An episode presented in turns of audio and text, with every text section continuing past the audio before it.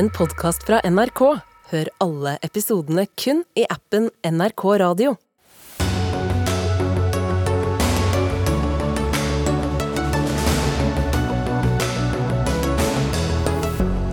Den ene Rødt-politikeren etter den andre går ut og støtter å sende våpen til Ukraina, stikk i strid med partiets vedtatte politikk. Partisekretæren er blant dem, etter å ha tvilt lenge. Regjeringen åpner for at Vy skal kunne drive all togtrafikk på Østlandet helt alene. NSB-nostalgien har tatt helt overhånd, innvender Høyre. KrF er bekymret for unges rusbruk, mener bruken av ulovlige rusmidler er blitt normalisert. Men hvor mye har bruken egentlig endret seg? Og kunstig intelligens har allerede inntatt skolene og kan hjelpe elevene å jukse på eksamen. Kan også bli et viktig verktøy, mener en IT-ekspert.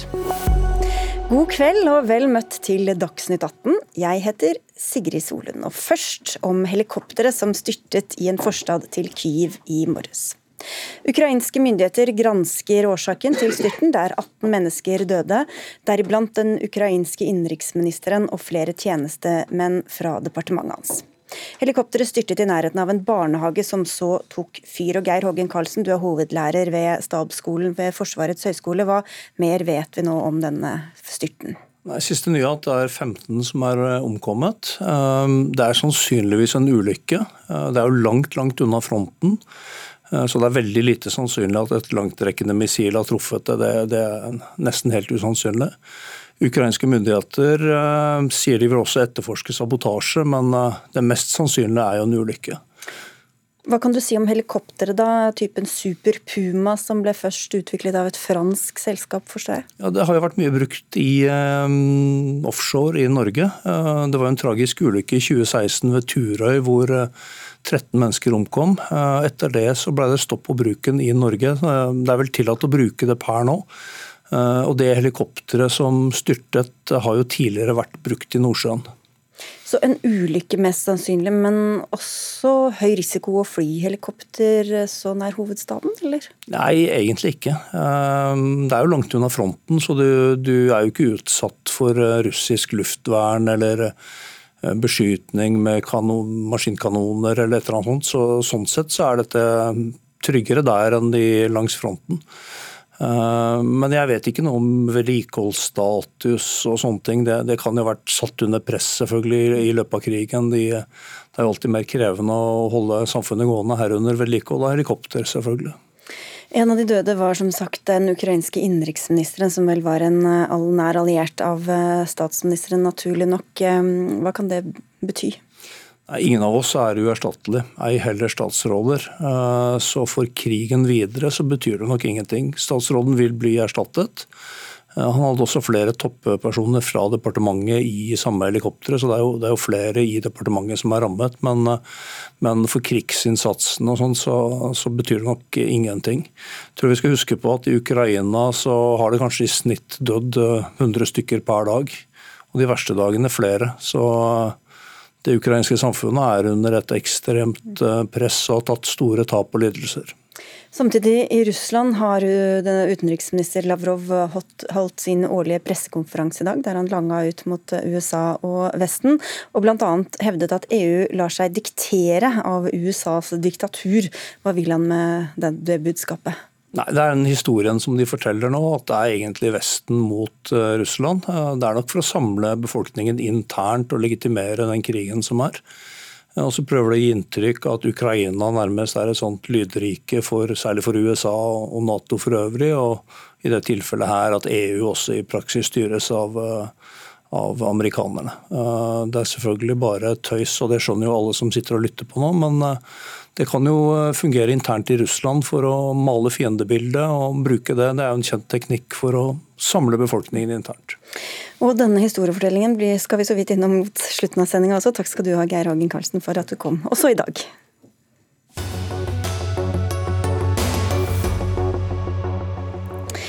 Regjeringen åpner for at Vy kan få drive all togtrafikk på Østlandet. De siste årene er jernbanen blitt mer splittet opp og konkurranseutsatt. Med den nye regjeringen skal dette snu. Bjørne Grimsrud, du er administrerende direktør ved Transportøkonomisk institutt, og skriver om dette i Aftenposten i dag. Du sier til oss at regjeringen er på god vei når de ser disse mulighetene på Østlandet. Hvorfor det? Ja, nå vet ikke jeg hva regjeringen har tenkt å gjøre, eh, men det jeg har vært opptatt av, at man, det man bør gjøre i, jernbanesektoren i Norge, er å se det hele i en større sammenheng, eller i stor sammenheng. Det er et uh, relativt lite system, frakter 5% av persontransporten i Norge. Uh, det er et komplisert system, og det må ses i sammenheng. og De ulike aktørene må, må klare å få til samarbeidet. Det er det viktige innenfor jernbanen. Og Hvordan er det vanskelig når man da opererer med mange forskjellige selskaper, sånn som i dag? Altså, det er jo veldig vanskelig, for det er jo, det er jo om å gjøre selvfølgelig å, å, gi et godt tilbud til kundene, men f.eks. operatørselskapene, som vi her snakker om eh, Altså de, de, som driver togene? De som driver togene. Eh, de aller fleste forsinkelser eh, skyldes ikke, ikke, disse selskapene, selv om det er de som har, som har, kontakt med kundene. Det skyldes jo bakenforliggende spørsmål eller problemer i forhold til skinnegang eller signalsystemer osv. Så sånn at det, det, det, er jo det samspillet som må fungere, og så må man da tenke å organisere det ut derfra. Ta på deg hodetelefonen, for vi skal til Trondheim, hvor du sitter, Rikke Lind. Du er administrerende direktør i togselskapet SJ Norge. Og du er ikke helt enig i denne utviklingen, for du vil ha mer konkurranse på jernbanen. Hvorfor det? Jeg tenker at konkurranse er bra fordi det driver oss videre. Vi eh, har kunden i fokus på en helt annen måte nå enn vi har hatt tidligere. I Sverige har SJ vært utsatt for konkurranse i 20 år. Nå finnes det ti forskjellige togselskaper. Det vi gjør eh, på Dovrebanen f.eks. i SJ, det er hver eneste dag å tenke på hvordan vi kan bli litt bedre. Hvordan vi kan bli mer punktlige, levere bedre mat, rene toaletter, bedre kundeinformasjon. Altså, vi drives hele tiden av ønsket om å gi kunden et bedre tilbud. Vi har også økt antall avganger. I 2019 var det fire avganger Oslo-Trondheim. I dag kjører vi seks avganger Oslo-Trondheim. Og Vi konkurrerer mot flyet, og vi tenker at den klimasmarte reisen med enda bedre produkter til kunden, det eh, fremmes også av konkurranse på sporet mellom operatørene. Her var det mye reklamegrimser. Hva er det som ikke stemmer her, da? Nei, altså Konkurranse er jo vel og bra der hvor det er noe å konkurrere om, og hvor man har en reell konkurranse. Det som er eh, igjen utfordringen i Norge og norsk jernbane, er at det er et system som både eh, krever bedre eh, stabilitet, og som også har, til dels mangler kapasitet på de viktigste områdene. Og Da er egentlig spørsmålet ikke altså Man kan få ut noen, noen gevinster og Vi får vel ut noen hundre millioner på, i gevinster av konkurransen, men det brukes jo 30 milliarder i året fra staten på jernbane. og Spørsmålet er hvordan kan vi få mer kapasitet, mer stabilitet ut av hele systemet. Og, og så jeg er jo ikke, altså Det er ikke noe galt i egentlig det Rikke sier, men hovedspørsmålet er egentlig å organisere dette på en måte som gjør at du virkelig får effekt ut av det. Fordi, som man var inne på innledningsvis, Rikkelin, hvor, hvor god og fri konkurranse får man når såpass mye rundt ikke helt fungerer? Man får jo konkurranse ved at det blir flere aktører som måler seg mot hverandre. Og at vi blir flinkere på og hvem, tydeligere hvem er leverandør, hvem er kunde. Vi har hatt veldig krevende ting rundt Bane Nor.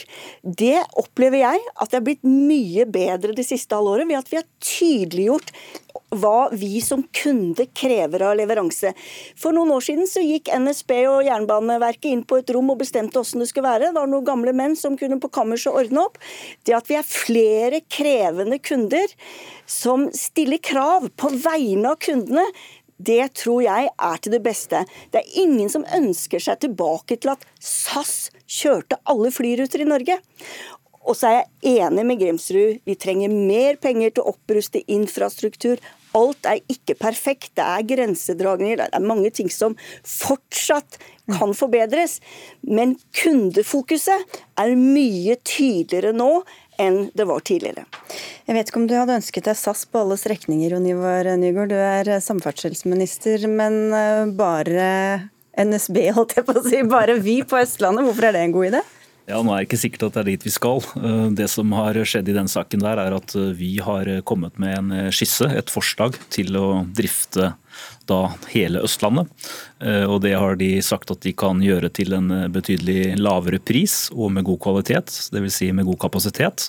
Og Da mener jeg at vi skylder fellesskapet å sjekke ut om det er innhold i dette. og Derfor så har vi gitt beskjed til Jernbanedirektoratet at de bør be om å få et tilbud fra Vy. Og Da er det fortsatt bare snakk om togsettene, men ikke, skal ikke tilbake til å drive skinner og signalanlegg og alt dette? Nei da, det er fortsatt sånn at vi har et togselskap som tar seg av kundeperspektivet. Og så har vi også en prosess i gang på å se om hvorvidt det er klokt å sammenslå Flytoget og Vy. Men det er en helt annen prosess. Men en prosess som dere ikke er så begeistret for, Trond Helleland fra Høyre, du sitter også på Stortinget. Ja, jeg syns Rikke Lind har beskrevet veldig godt hva konkurranse kan bety. Eh, det at de er en krevende kunde overfor Bane Nor, gjør at Bane Nor må skjerpe seg. Det at det er flere aktører er bra. Og så begynte jo dette med en prosess der vi eh, i vår regjeringstid satte ut eh, en del ting på anbud, som gjør at Rikke Lind kjører Dovrebanen, Nordlandsbanen. Go-Ahead kjører Sørlandsbanen, og Bergensbanen kjøres av Vy, Bergensbanen, som, er, som, vant det anbudet. Og Det har fungert etter min mening helt utmerket, og det går jo videre. Og Så går Nygård ut og sier at nå skal vi ha direktetildeling. Og greit, det er vi uenig i. Vi hadde ønska reell konkurranse for å, å fått et bedre tilbud til kundene. Men så eh, begynner LO å brumme. Og da, da, fordi at Vy må jo få alt, for det ligger jo en sånn NSB-nostalgi her. At alt var bedre før. Og Jeg husker veldig godt når jeg satt i transportkomiteen forrige gang, det var togkrise da også. Og Da gikk Jens Stoltenberg ut og sa vi må få flytogstandard på alle strekninger, sa Jens. Og Det var jo fordi at Flytoget er det beste varemerket innenfor transport i Norge. Men nå vil altså Nygård legge det inn under Vy. Og da er vi tilbake til start. Og Det er det du mener at LO har ivret for? Bare ja, de ønsker én ting. De ønsker et monopol på jernbane. Og det hadde vel helst sett at eh, generaldirektøren i NSB hadde styrt Jernbane-Norge, sånn som i gamle dager. Nygaard. Ja, nå er det jo sånn at uh, Norge er et lite land. Vi er et svært lite jernbaneland. Og vi har uh, stor avhengighet mellom de ulike elementene i jernbanesektoren. Så det at vi holder oss med en rekke selskaper, det er ikke åpenbart rasjonelt. Dessuten så er det jo sånn at det Helleland og for så vidt flere her beskriver, er jo egentlig ikke altså Det er jo et seriemonopol. Altså Du vil si du forhandler fram en avtale, og så har du ti år hvor du er monopolist på den strekningen. Uh, det som er situasjonen nå, er jo at vi har måttet forhandle med aktørene om å øke prisnivået, riktignok som følge av pandemien. Så det har jo endret seg. Men det vi holder på med nå er direktetildeling, og det handler om at vi vil bruke de to statlige togselskapene, få ut det beste av de to, få en god pris for staten, et godt tilbud til, til togpendlerne. Og så har Vy skissert at de kan drifte dette vesentlig rimeligere, og da må jo vi sjekke det ut.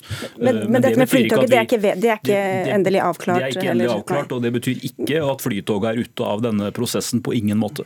Men til dette med konkurransen, Helleland, som, som jeg også lurte litt på. Det er jo ikke sånn at man konkurrerer på den samme strekningen og ser ja, hvor er den beste servicen eller hvem er mest punktlig, men man konkurrerer jo om å få en strekning på det man, ikke det man leverer heller, men det man sier at man skal levere. Så hvor god konkurranse er dette egentlig? Jo, men det, det finnes jo kunder som tar tog på mer enn én en strekning, da. Men eh, det, det Nygaard hadde lagt opp til, det var jo at eh, Vy skulle få Eh, muligheten til å levere tilbud på toga vest for Oslo, og så skulle Vy ha øst for Oslo. Nå gir Nygaard muligheten for Vy til å ta begge pakkene. Men har den gitt muligheten for Flytoget til å konkurrere om den østlige delen av pakka? Det hadde jo vært det rimelige at de to aktørene da sammen For nå har, sittet, nei, nå har Flytoget sittet i ni måneder og jobba med sine dokumenter, og så får de den midt i fleisen i tolvte time. At nå er Vy på banen, og da blir det nok Vy. Ja, det blir litt innforstått det her, men men ta det så alle skjønner, Nygaard. Det er jo jump to conclusions, da, for vi har ikke sagt at det blir Vy. For Vy må jo da levere på et konkret tilbud som viser viser betydelig innsparing for staten.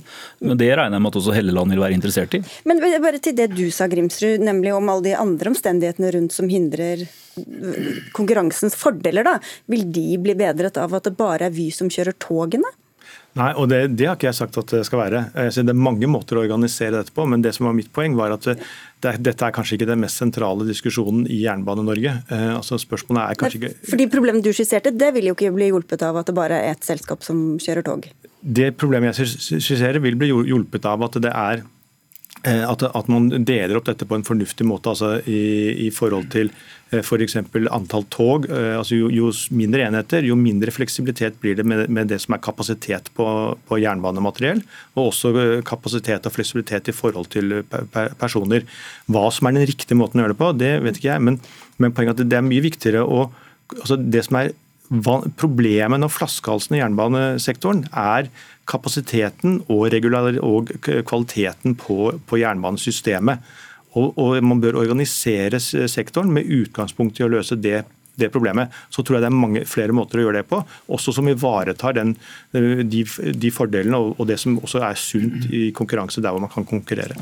Ok, Nygaard først. Ja, altså Det som Høyre og Helleland da hadde lagt opp til, det var jo at man skulle konkurranseutsette alle disse togstrekningene. og uh, Verstefallsutfallet her ville jo være at Vy satt igjen med bare én togstrekning i Norge.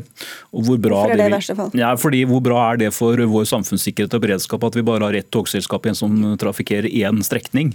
Uh, og hvor bra er det å ta vare på fellesskapets verdier, som jo det togselskapet for så vidt også er? Så jeg tenker at uh, den politikken vi har nå gått i retning av, hvor vi sier at vi skal bruke de to statlige togselskapene. Det er en måte å ta vare på både de verdiene, men også få mest mulig ut av de statlige verdiene. Og mer konkurranse vil jo ikke hjelpe på gamle systemer og alt det, som ikke snakker derfor, sammen. Derfor så, derfor så dobla vi jo jernbanebevilgningene godt og vel også. Og nå er det store byggeprosjekter i gang. Vi har Follobanen som er en liten uh, utfordring akkurat nå. Uh, det bygges en ny tunnel under huset mitt i Drammen til 10-11 milliarder kroner. Gratulerer med det. Ja, for, ja, takk. Det er slutt på støyen, heldigvis. Men Eh, det vil gjøre at du kan ta toget fra Tønsberg til Oslo på en time. Så det har skjedd mye. Vi har to store prosjekter på gang som eh, er spennende. Ringeriksbanen og K5, altså Arna-Stanghelle. Lange tunneler. Så det viktige, jeg er helt enig med Bjørne Grimsrud, vi må jo lære av de feilene som er gjort. Vi må utvikle systemer. Vi må ha et Bane NOR som er operativt og fungerer og har kompetanse. Men det handler ikke om den konkurransen som er på skinnene. Fordi det er det som er sluttproduktet som kunden ser. Og kunden liker at det er ulike aktører som tilbyr ulike konsept. Og Rikke Lind og, og og SJ har jo tilbudt eh, såkalt premium pluss, det har eh, miniprisbilletter, det har Go-Ahead som har hatt eh, periodebilletter, du kan kjøpe et pass for flere dager. Det er nye produkter, og det trenger også Vy litt utfordringer på. Men ja, for nå vil jo dere, om ikke dere vil si at dere skal tilbake, så vil i hvert fall ikke fortsette den veien som den forrige regjeringa kjørte på. Men vil du si at vi har hatt godt av den konkurransen inntil nå, men at dere så vil vri, eller? Altså, vi mener jo at uh, man burde ha satsa på de statlige togselskapene vi hadde. Svaret er nei. Vi hadde hatt like god service og utvikling men, hvis vi ikke hadde hatt det. Poenget, jeg gjentar det jeg sa i forrige runde, her, at det er jo egentlig et seriemonopol. og Du må ikke fremstille det hele land som at da får kundene veldig mye å velge mellom. Du får SJ får du på den strekningen, og så får du Go-Ahead på den andre strekningen. Så det er sånn det er. Jeg har i hvert fall to muligheter da. Jeg kan ta Flytoget fra Drammen, jeg kan ta Vy fra Drammen. Ja. og Jeg håper at vi får beholde den muligheten i hvert fall. Og, og I Sverige kan du ta Vy og SJ og åtte andre selskaper. Det er bare litt vanskelig å komme seg fram og tilbake over landegrensene, men eh, det, Nei, det er jo et eh, paradoks, eh, programleder, at de selskapene de konkurrerer jo i Sverige. Ja, men det, det, Sverige er fem ganger så stort system som det norske. Alt dette begrenses av hvor stor kapasitet det er på skinnegangen. Og, og, Hvis vi kan øke den og gjøre det smartere, så blir det bra for alle. Og Så får vi se da, hvor dere lander og når dere lander Jon Ivar Nygaard, på om det fortsatt blir noe flytog, eh, eller om vi bare får Vy her på Østlandet. Takk skal dere ha, dere andre også. Trond Helleland fra Høyre. Rikke Lind fra SJ Norge og Bjørne Grimsrud fra TØI, altså Transportøkonomisk institutt.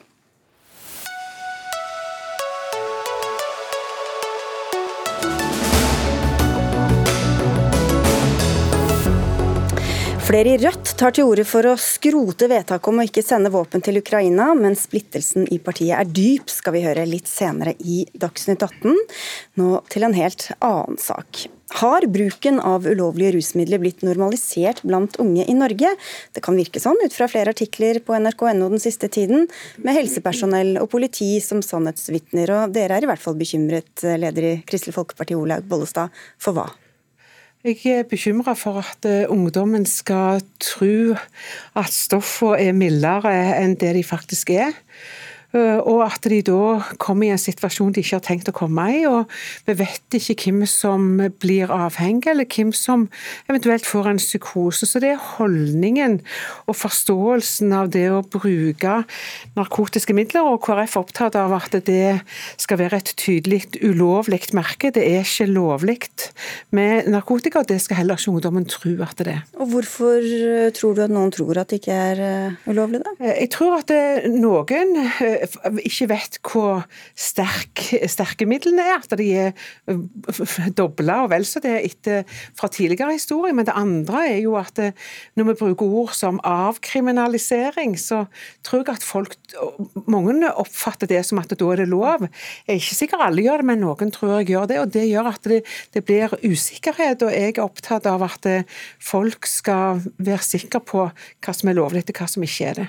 Og Avkriminalisering det var jo et ord som ble brukt mye da vi diskuterte rusreformen, som den forrige regjeringen eh, foreslo, men som ble nedstemt, eh, og som du ivrer for. Eh, Erlend Svardal Bøe, du er stortingsrepresentant for Høyre. Hva tror du ungdommer tror, da? Nei, Det er jo gjort ulike undersøkelser om det her. Helsedirektoratet hadde bl.a. en eh, undersøkelse i 2020 som viste at ungdom ikke tror pga. rusdebatten at cannabis f.eks. er lovlig. Og Det er jo forskning og fakta som en òg må forholde seg til. Eh, og så er jo det klar forskjell mellom legalisering og avkriminalisering. Avkriminalisering handler om en annen måte eh, å f.eks. ha en reaksjon på bruk eller besittelse av narkotika. Eh, og Der tenker vi at der må vi rydde litt opp i den politiske debatten. for det er jo ofte sånn at de som f.eks. er motstander av eh, Rusreformen er veldig flink til å blande de to begrepene, men det må heve over enhver tvil om at Høyre ikke får noe legalisering. Det er ikke en legaliseringsdebatt i Norge vi har, vi har nå. Vi har en debatt om å avkriminalisere, som handler om å rydde opp etter, altså ja, men som handler om å rydde opp etter en, en feilslått eh, ruspolitikk gjennom mange år, der forskning viser klart og tydelig at straff egner seg ikke som reaksjon på bruk eller besittelse av narkotika. Det finnes andre virkemidler som eh, fungerer, og det gjelder òg blant, eh, blant unge. Dere sier at uh, ungdom tror narkotika er både lovlig og greit å bruke, men hvor, hvorfor, hvordan vet dere det egentlig, Bollestad? Altså, for det første så ser vi jo eh, kan gå til disse unge jentene oppe i Bodø som har lagd seg et armbånd for å finne ut om det er ting i den drinken deres, f.eks. Vi har fått henvendelse fra ungdommer som er i videregående skole, og som sier jeg ber om hjelp fordi at eh, bruken i skolen har økt. Og helsesykepleiere og politi og, og, og at du og andre på hans side altså i hermetegn i, i, i, dette spørsmålet har bidratt til denne misforståelsen, mener du? Ja, jeg tror i hvert fall at at må, jeg skal være med å rydde i ordene.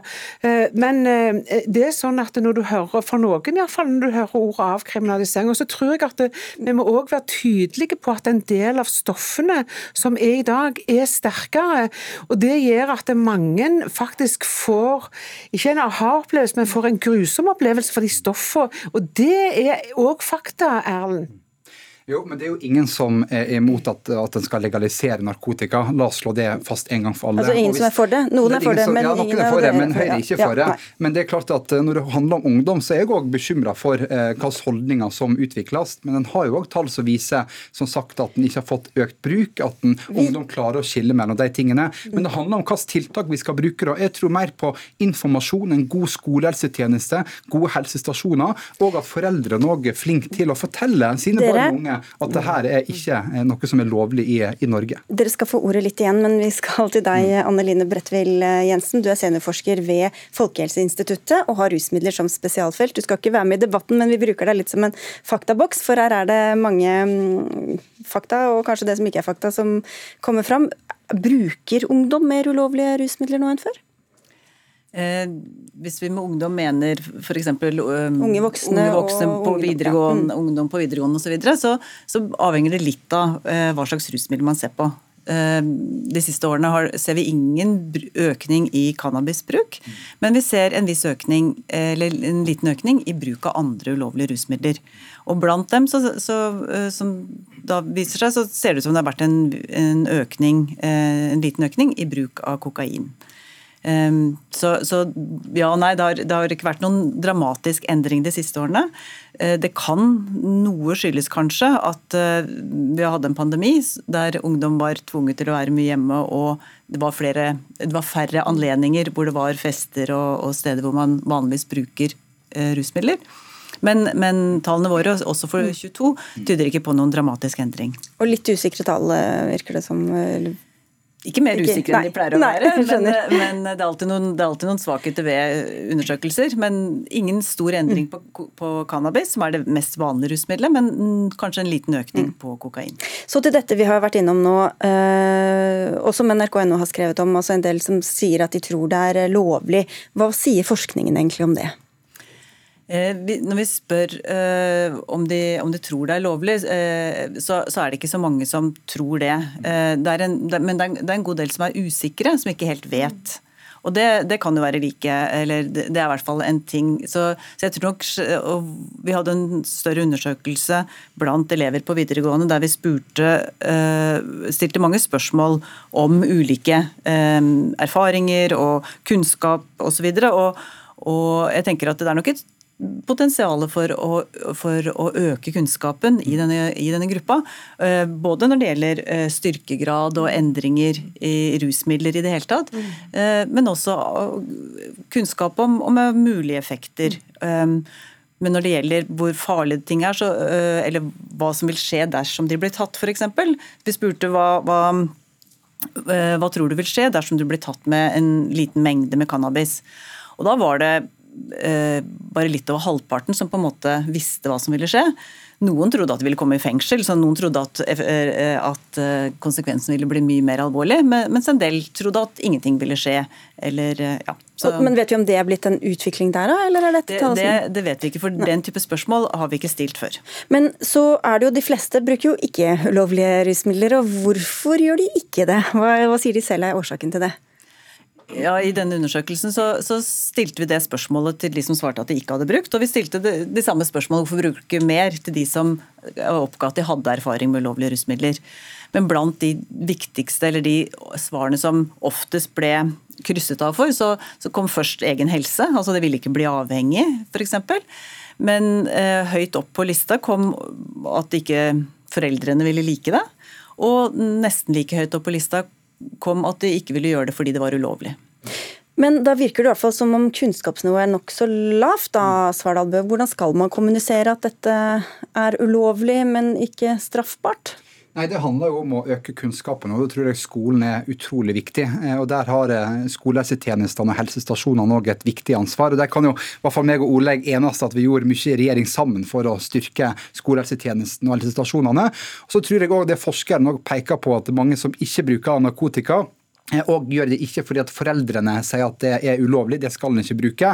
Så det er klart at det er også viktig at foreldrene også har et ansvar opp i, i det her, og at de òg får den informasjonen som er viktig for å klare å skille mellom begrepene og, og, og, og sørge for at en har informasjon og kunnskap om hva som er lov og hva som ikke er lov. Men kan folk bli enda mer forvirret av å høre at dere sier at de er forvirret av Bollestad? Nei, det håper jeg ikke. Jeg tror folk er ganske, jeg vet er ganske godt fordelt, så jeg tror god kunnskap er viktig. Men jeg tror òg at uh, ungdommen forventer at vi sier det som det er. Og vi vet ikke hvor mange som faktisk kan få en, uh, en helseutfordring. Vi vet ikke hvem de er. Sånn at det å spille litt russisk rulett med ungdommene våre på at vi vil avkriminalisere, det tror KrF ikke er veien å gå.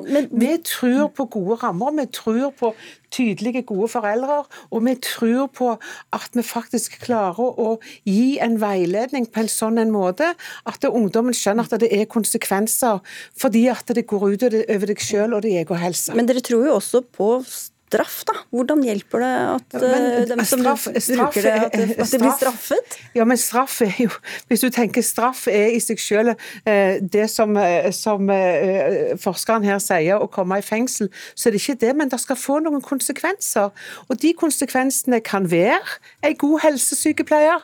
Den konsekvensen kan være en SLT-koordinator. Den konsekvensen trenger ikke i utgangspunktet være en straff, men poenget er at det skal være noen rammer rundt rundt. Fordi at det får så store konsekvenser for de ungdommene som faller utenfor. og Det er det som er poenget mitt. Nå er vi inne i rusreformdebatten. Du skal få en siste kommentar. Svaralbe. Nei, men, men jeg må forholde seg til forskninga. og Rusreformen viser klart og tydelig at straff ikke egner seg eh, for at rusavhengige skal få bedre liv. Det egner seg heller ikke som virkemiddel for å få folk til å slutte med, med rus, og heller ikke unge. Og Da må en på en måte forholde seg òg til det. Og Jeg mener at òg eh, Ole Bollestad har et viktig ansvar for å rydde opp i den debatten når en sammenblander legalisering og avkriminalisering. Det er to forskjellige ting. Eh, avkriminalisering Nei, men det er det en gir inntrykk av når en snakker om disse tingene som, som det samme. og det er ikke det samme. Så jeg må lytte til, lytte til forskningen. Men, men jeg lytter jo til forskningen Jeg lytter jo til forskningen som også sier at det har, ikke vært en spesiell, det har ikke vært en spesiell uh, stor økning på cannabis, men det har vært på kokain f.eks. Så det har jo det. Og da mener jeg vi må ta det inn over oss, og ikke bare si at Unge må bli møtt med hjelp og ikke med straff sånn som KrF tar til orde for. Dette blir det mer om etter hvert som regjeringa vil komme med sin egen rusreform, når enn det skjer. Takk skal dere ha, i hvert fall alle tre. KrF-leder Olaug Bollestad, Erlend Svardal som sitter på Stortinget for Høyre, og Anne Line Brettevill Jensen, seniorforsker i FHI. Velkommen til Dagsnytt 18, hvor vi skal diskutere det siste og største innen teknologi, chat-GPT. Ja, dette er den modellen som kan skrive mer underholdende enn en standup-komiker, svare på spørsmål bedre enn Google og skrive kode som en ninja-utvikler. Men den kan den også lage en god kopp kaffe. Vi skal finne ut i kveld. Ja, denne introen er det ikke jeg som har skrevet, men en et kunstig intelligensverktøy som har fått mye oppmerksomhet, nemlig nettopp ChatGPT. Den fikk i oppdrag å skrive en kort og morsom intro til en Dagsnytt 18-debatt om seg selv, og er, som vi hører, foreløpig ikke særlig preget av janteloven moro i mange sammenhenger, men muligens problematisk også i skolen, der den kan bli brukt til å jukse. Det ga deg f.eks. en B på en skoleoppgave, Andrea Holm Tandrø. Du er elev ved Elvebakken videregående skole i eh, Oslo. Kan ikke du forklare hvordan du gikk fram? Jo, jeg oppdaget en chat-GPT litt før desember, i desember, og da hadde jeg veldig lyst til å prøve den og se hva den eh, fikk til. da. Så Derfor eh, gikk, la jeg min eh, historievurdering som innsats og prøvde å se hva den fikk til. da. Uten å si fra til læreren? Uten å si fra til læreren. Så da, og så fikk jeg da en femmer på det på Elvebakken i Oslo. Og Hva var det som trakk ned, da? Det som trakk ned, det var nok at den var lite god på drøfting. Det fikk ikke det til så veldig bra. Og så var den også ikke helt nøyaktig alltid.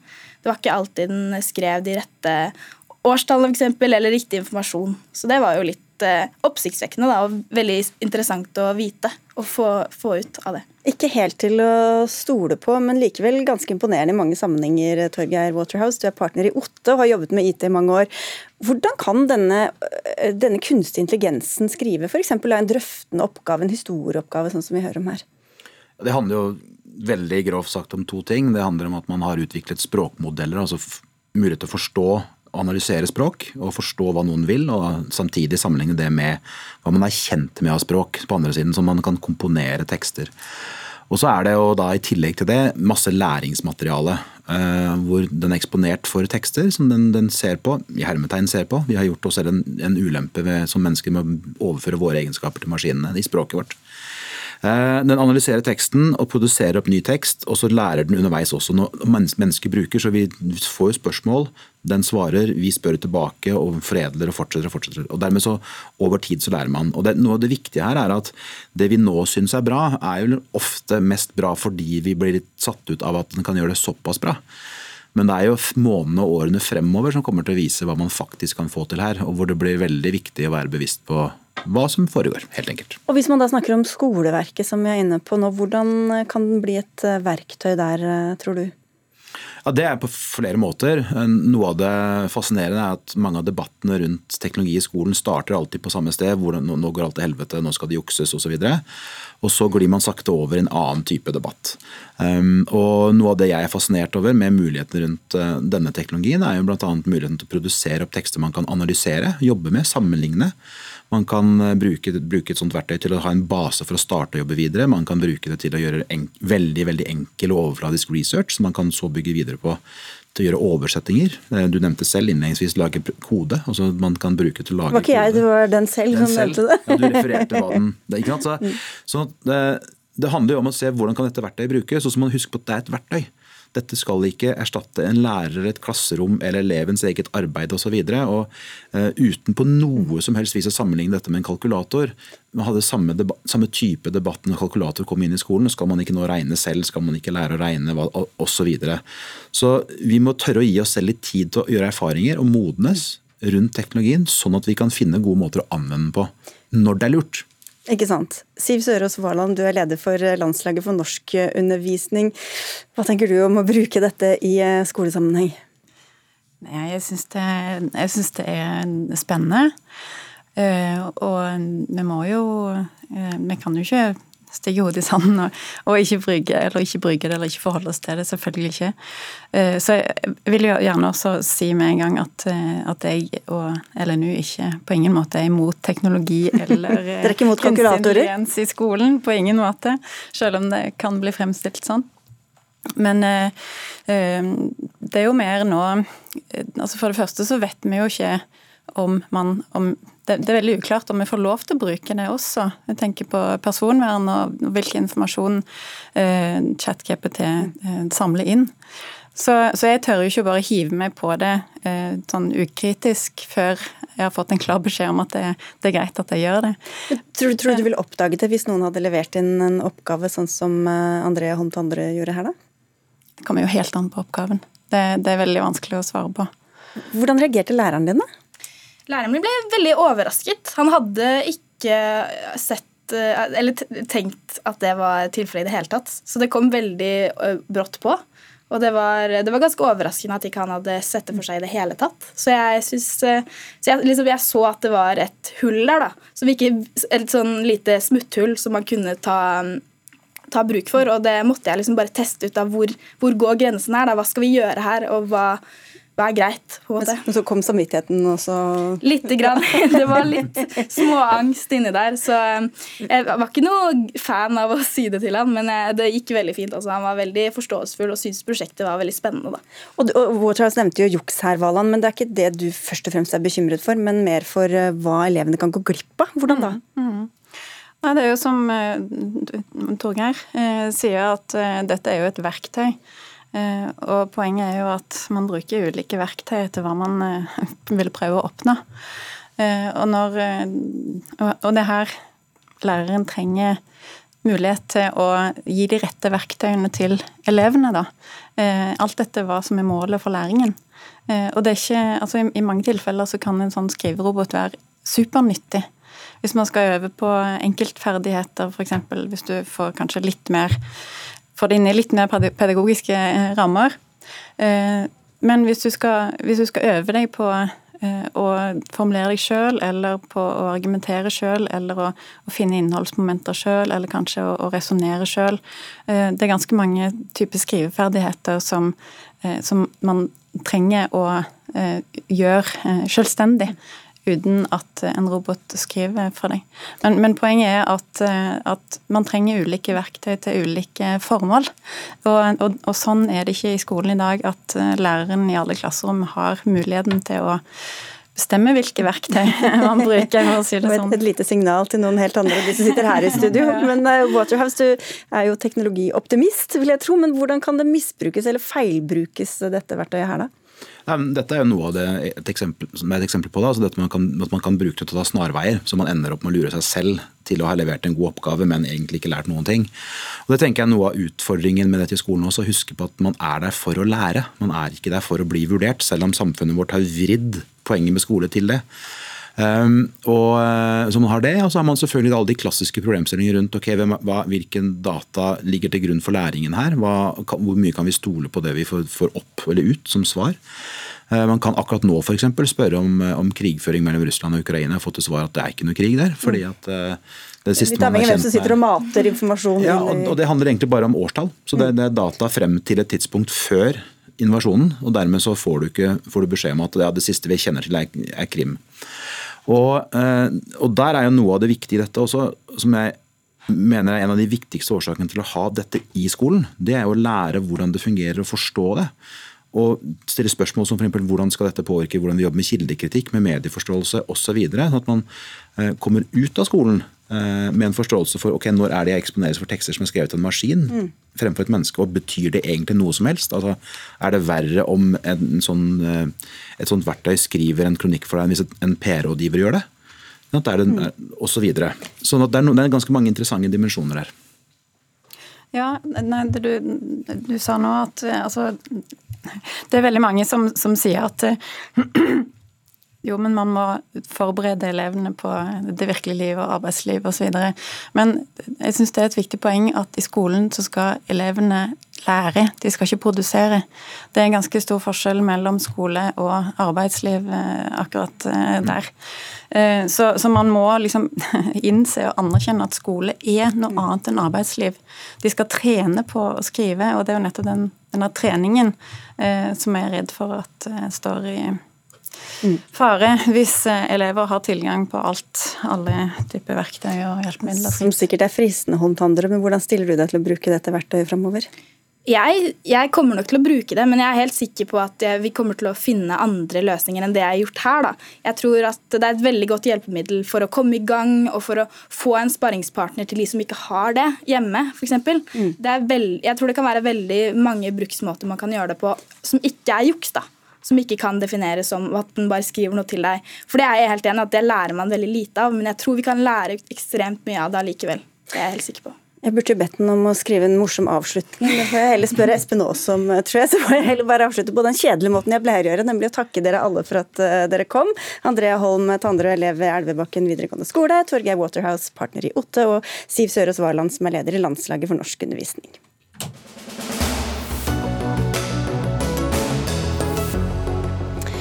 Rødts syn på våpenstøtte til Ukraina får oppmerksomhet langt utenfor partiets eh, egne rekker. I Klassekampen, i Dagsnytt 18 og i gårsdagens utgave av Debatten har flere i partiet tatt til orde for å endre på denne politikken. I dag er Rødts offisielle linje at de ikke støtter at Norge sender våpen som skal hjelpe Ukraina forsvare seg mot den russiske angrepskrigen, men i dag går en etter en av partiets toppolitikere ut og sier at de har endret syn deriblant de fleste i stortingsgruppa og i partiledelsen, hvor du sitter, partisekretær Benedicte Pryneid Hansen. Krigen har pågått i snart ett år. Hvorfor er det riktig med våpen nå, men ikke for to eller fire eller seks måneder siden? Da krigen brøt ut, så var det jo en enighet blant alle partiene om å ikke donere våpen til et land i krig. og Det har jo også vært eh, en utenrikspolitisk konsensus siden 1959, og noe alle partiene har stått bak. Men så endra det seg fort? Så har det endra seg eh, da krigen eh, kom til, til Europa, og, og, også i Rødt så har vi valgt å stå på den linja som har vært den utenrikspolitiske enigheten blant alle partiene. Så har det vært eh, diskusjoner i partiet lenge om hvorvidt det her er riktig eller ikke, men landsmøtevedtaket står jo ved lag. Så har vi landsmøte nå i år, og det har kommet forslag om at vi skal endre politikk. Den diskusjonen har gått i partiet, og det er veldig bra. Sjøl har jeg vært i tvil lenge, egentlig ikke vært enig i linja. Eh, eh, ja, i noen måneder, da. Eh, og spesielt syns jeg jo at det ble vanskelig å forsvare etter at eh, bombinga ble intensivert fra desember og utover, og man så en sånn terrorbombing mot sivile mål. Eh, og Da mener jeg at det er riktig eh, å støtte at Norge gir våpen til Ukraina, så de kan forsvare seg. Men Du, har jo da vært, du sier du har endra syn for noen måneder siden. men hvor, Hvorfor var det så utslagsgivende, den bombingen, kontra all krigføringen som var før det, når Ukraina var så tydelige på at det de trengte, var våpen? Altså I starten så, eh, så, har vi altså Vår argumentasjon for å, for å, stå på den linja har vært at vi har vært redd for at eh, krigen skulle spre seg til flere land. Vi har også vært opptatt av eh, å se hva kunne være Norges rolle i, i, for å finne en fredsløsning i krigen. Vi har jo helt fra starten vært helt tydelige på at vi fordømmer Russland sitt, sin ulovlige angrepskrig. Det er jo ingen tvil om det. Vi har også vært helt tydelige fra starten om at vi støtter Ukraina. Vi har eh, eh, ønska å støtte både økonomisk, politisk. Eh, vi har ønska å støtte humanitært. og Vi har også gått inn for mye strengere sanksjoner mot Russland, både myndighetene og oligarkene som tjener på krigen, enn flere andre partier har ønska. Så det har ikke vært noe tvil om at vi har støtta Ukraina. Men vi har vært redd for at krigen skulle spre seg. Men det, det, har også vært andre argumenter som vi har hørt det siste uka, om at dette handler om Natos aggresjon, om USA, vestlig imperialisme. Er du enig i at det er gode argumenter mot å gi dem våpen? Nei, Det har ikke vært Rødt sin argumentasjon. Altså Argumentasjonen fra Rødt sin side både det, som... det har jo vært argumenter som har blitt brutt fra Ikke i de vedtakene vi har. altså det Nei. som er vedtaket... Så du er ikke enig i de argumentene? Nei, ikke i det hele tatt. Det forstår forregninga for de som har uttalt de. Det som er, har vært argumentasjonen, eller begrunnelsen for at vi har ønska å stå på den utenrikspolitiske linja, Eh, det er at, eh, at, vi har vært redd for at krigen skulle spre seg. Og så Fram til nå eh, så har det vist seg at det ikke har skjedd. Og så har det vært en intensivering av, av bomminga osv. som gjør at flere nå ønsker å endre standpunkt. Ja, for det kom jo veldig brått og ganske mange på en gang. Utenriksminister Anniken Huitfeldt, hva syns du om at denne debatten kommer i Rødt nå? Det kom jo mye seinere enn i Danmark, hvor søsterpartiet skifta syn både på våpen og på Nato i vår. Og det er fortsatt slik at eh, Rødt sin forsvars- og sikkerhetspolitikk det skader Norges interesser. De er mot Nato, har vært mot kampfly, som vi har hatt i Forsvaret siden 1912. Og hvis vi ser tilbake da, før krigen starta, så var jeg i eh, dette studio og diskuterte med Rødts leder. Det han var mest opptatt av da, det at vi ikke skulle sende soldater til Litauen. For da bidro vi til militær oppbygging. Og det er det mest problematiske her. At kritikken av USA har gått så langt at de har argumentert for gjennom mange deler av historien for at det nærmest har vært en balanse, en delt skyld. Og Det er det som har vært problematisk med Rødt sin linje her hele tida. Så nå mener jeg Rødt må ta et oppgjør med hele sin forsvars- og sikkerhetspolitikk. Den fungerer bare på, papiret, og den tjener Putins interesse, for den bidrar til å splitte Europa.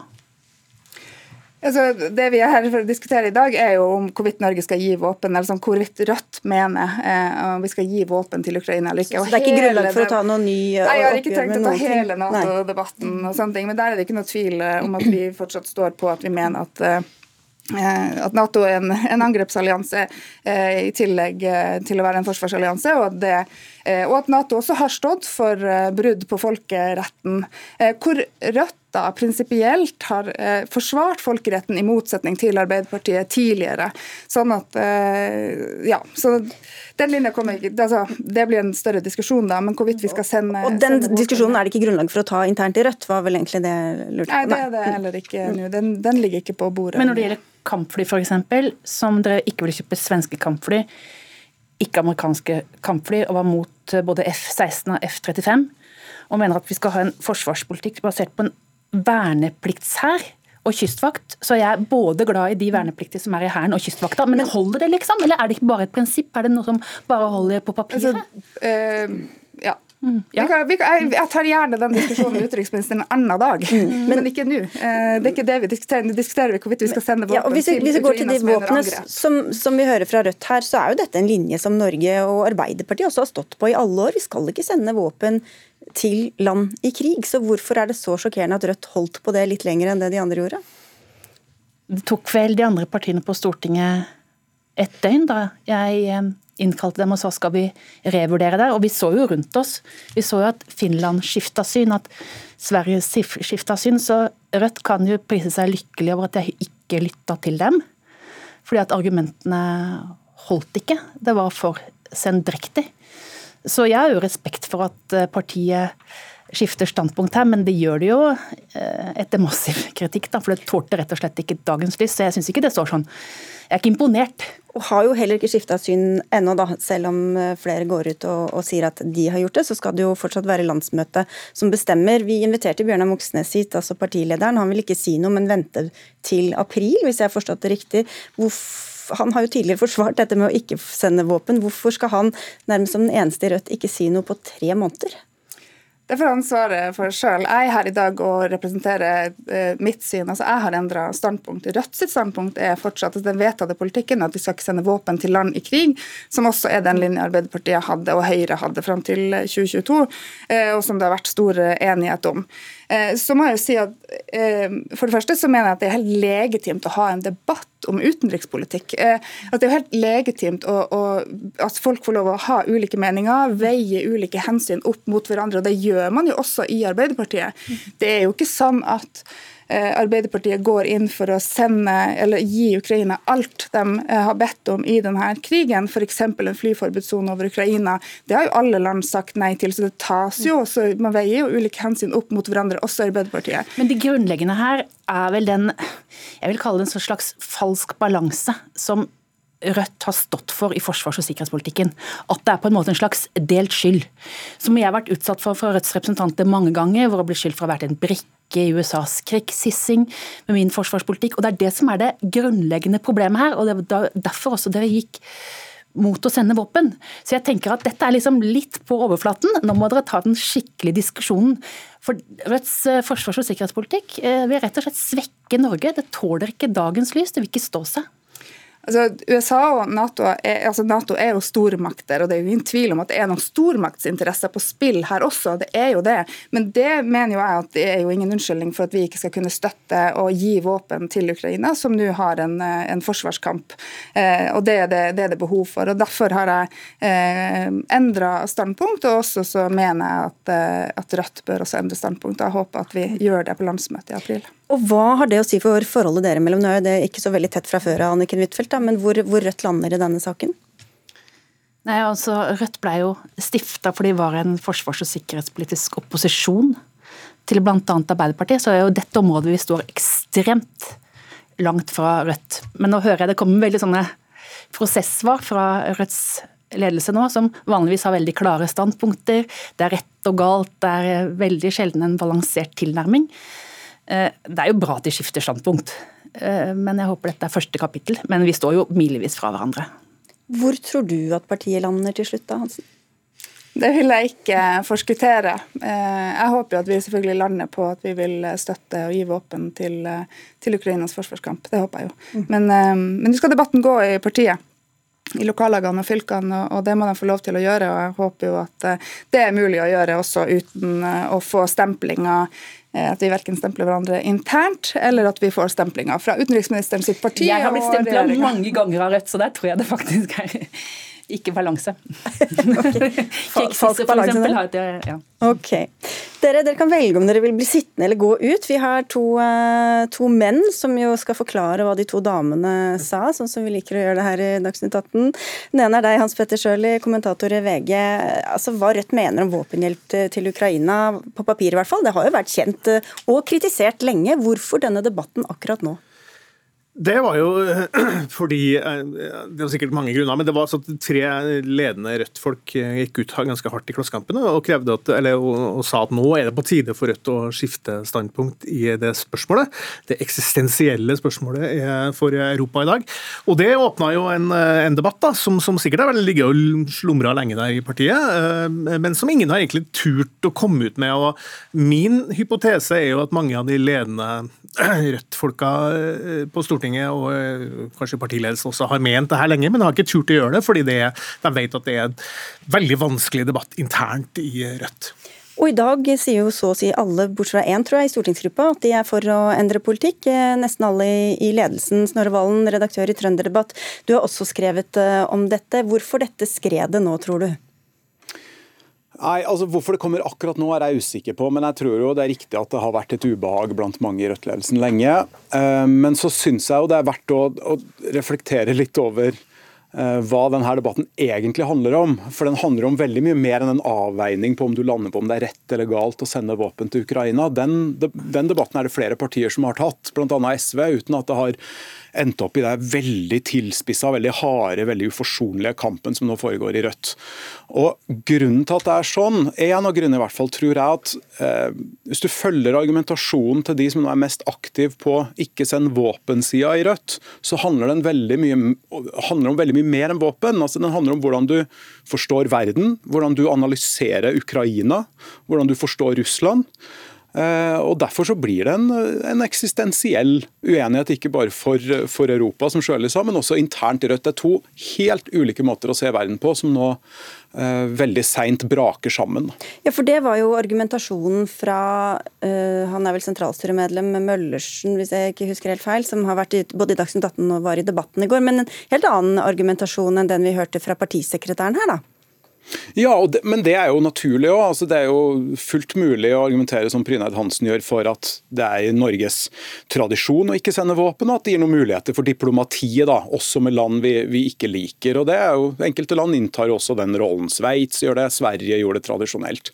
Men den argumentasjonen som har kommet fra de som har holdt på mest med utenrikspolitikk i Rødt i mange år, er jo en helt annen. og Det er at Ukraina er en brikke i, i Vestens spill. Eh, Møllersen, som omtalt her, eh, analyserte Ukraina allerede i 2014, da krigen egentlig starta, med at eh, høyreekstreme krefter var veldig sterk i Ukraina, at det ble lagt til rette for en, for en sånn vestlig imperialisme i landet. Og Hvis det er utgangspunktet, så forsvinner jo Ukraina fra debatten. Da er det bare stormaktsspill som teller. Eh, og Det tror jeg mange Rødt etter hvert eh, har problemer med å stå inne for. da, rett og slett. Men det er jo mange som har skrevet og sagt i dag at de helt, har blitt helt sjokkert. Shirley. Hvordan kan man bli så sjokkert over å høre partis eh, politikere fronte partiets politikk? Nei, Det er et godt spørsmål, men i hvert fall det inntrykket jeg har, har fulgt med ganske nøye på sosiale medier, og, og, i tillegg til det vi har fått inn i VG, da, i, i vår innboks. Så Folk ble veldig sjokkert av det som skjedde i går, altså på Debatten. Eh, de fikk eh, ganske sånn rett i, i fleisen, ganske argumenter som, som, jeg tror veldig få av, av Rødts velgere er enig i. Og, og du, det er et eller annet med når du får det så presentert så tydelig, så, så det liksom, går det liksom opp for folk at wow, det her er jo ganske drøyt. da. Det var jo en deltaker i går også som, som jeg forstår ikke representerte Rødt, da, men som kommer fra det miljøet, som, som liksom begynte å nærmest si at uh, Krim må forbli russisk. Uh, altså Ganske, ganske sånn ytterliggående standpunkter.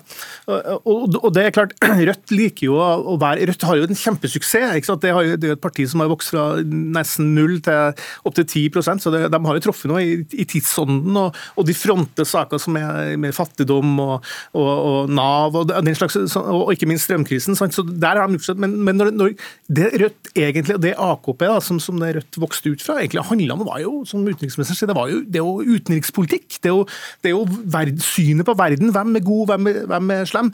Og, og, det er klart, som Snorre Valen sier, det har vært eh, stemmer i Rødt siden 2014, da Russland gikk inn i, i, Ukraina første gangen, som har argumentert for at det her er en slags, et, et geopolitisk stormaktsspill, og den egentlige skurken er USA og Vesten og Nato. Men de som er kommet til da, blant velgere Snorre Valen pga. kampen for mindre fattigdom eh, eller lavere strømpriser eller eh, hva det er, hvordan tror du de reagerer på dette utenrikspolitiske nå?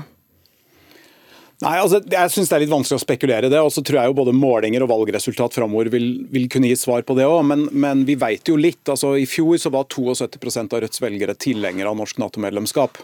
Eh, og Det gjør jo at etter hvert som Rødt har vokst, så er ikke lenger en, en veldig kontrær utenrikspolitikk en sånn sikker vinnersak for et lite grunnfjell. Rødt når nå ut til veldig mange flere mennesker. og jeg tror jo og at den debatten som pågår nå er veldig mange Rødt-velgeres første møte med den utenrikspolitiske debatten i Rødt. Og Hvis den skal fortsette i samme leia som den har gjort de siste dagene fram til landsmøtet i april, så kan jo det bli eh, veldig utfordrende for partiledelsen. Da. Vi nevnte SV i stad, Sjøli. De hadde jo egentlig det samme synspunktet, de. Og så snudde de. Hva er egentlig forskjellen på de to partiene, bortsett fra tidsaspektet her?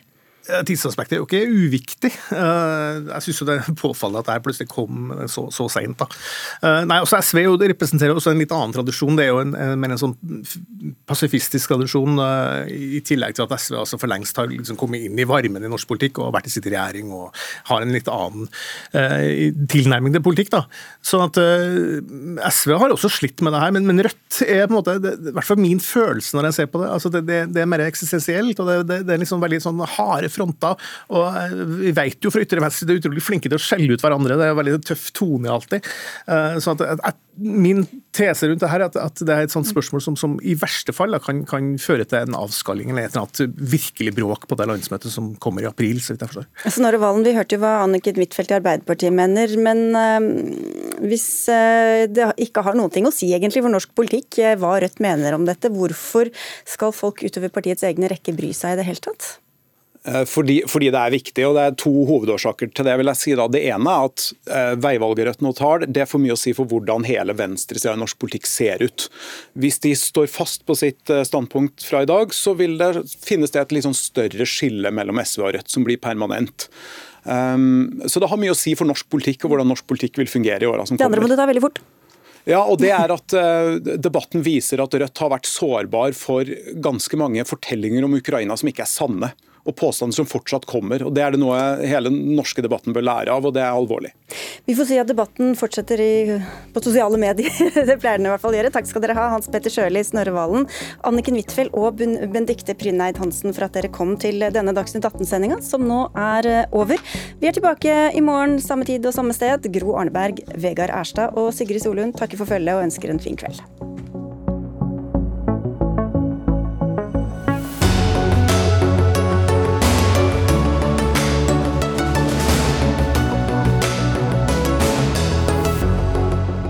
Du har hørt en podkast fra NRK.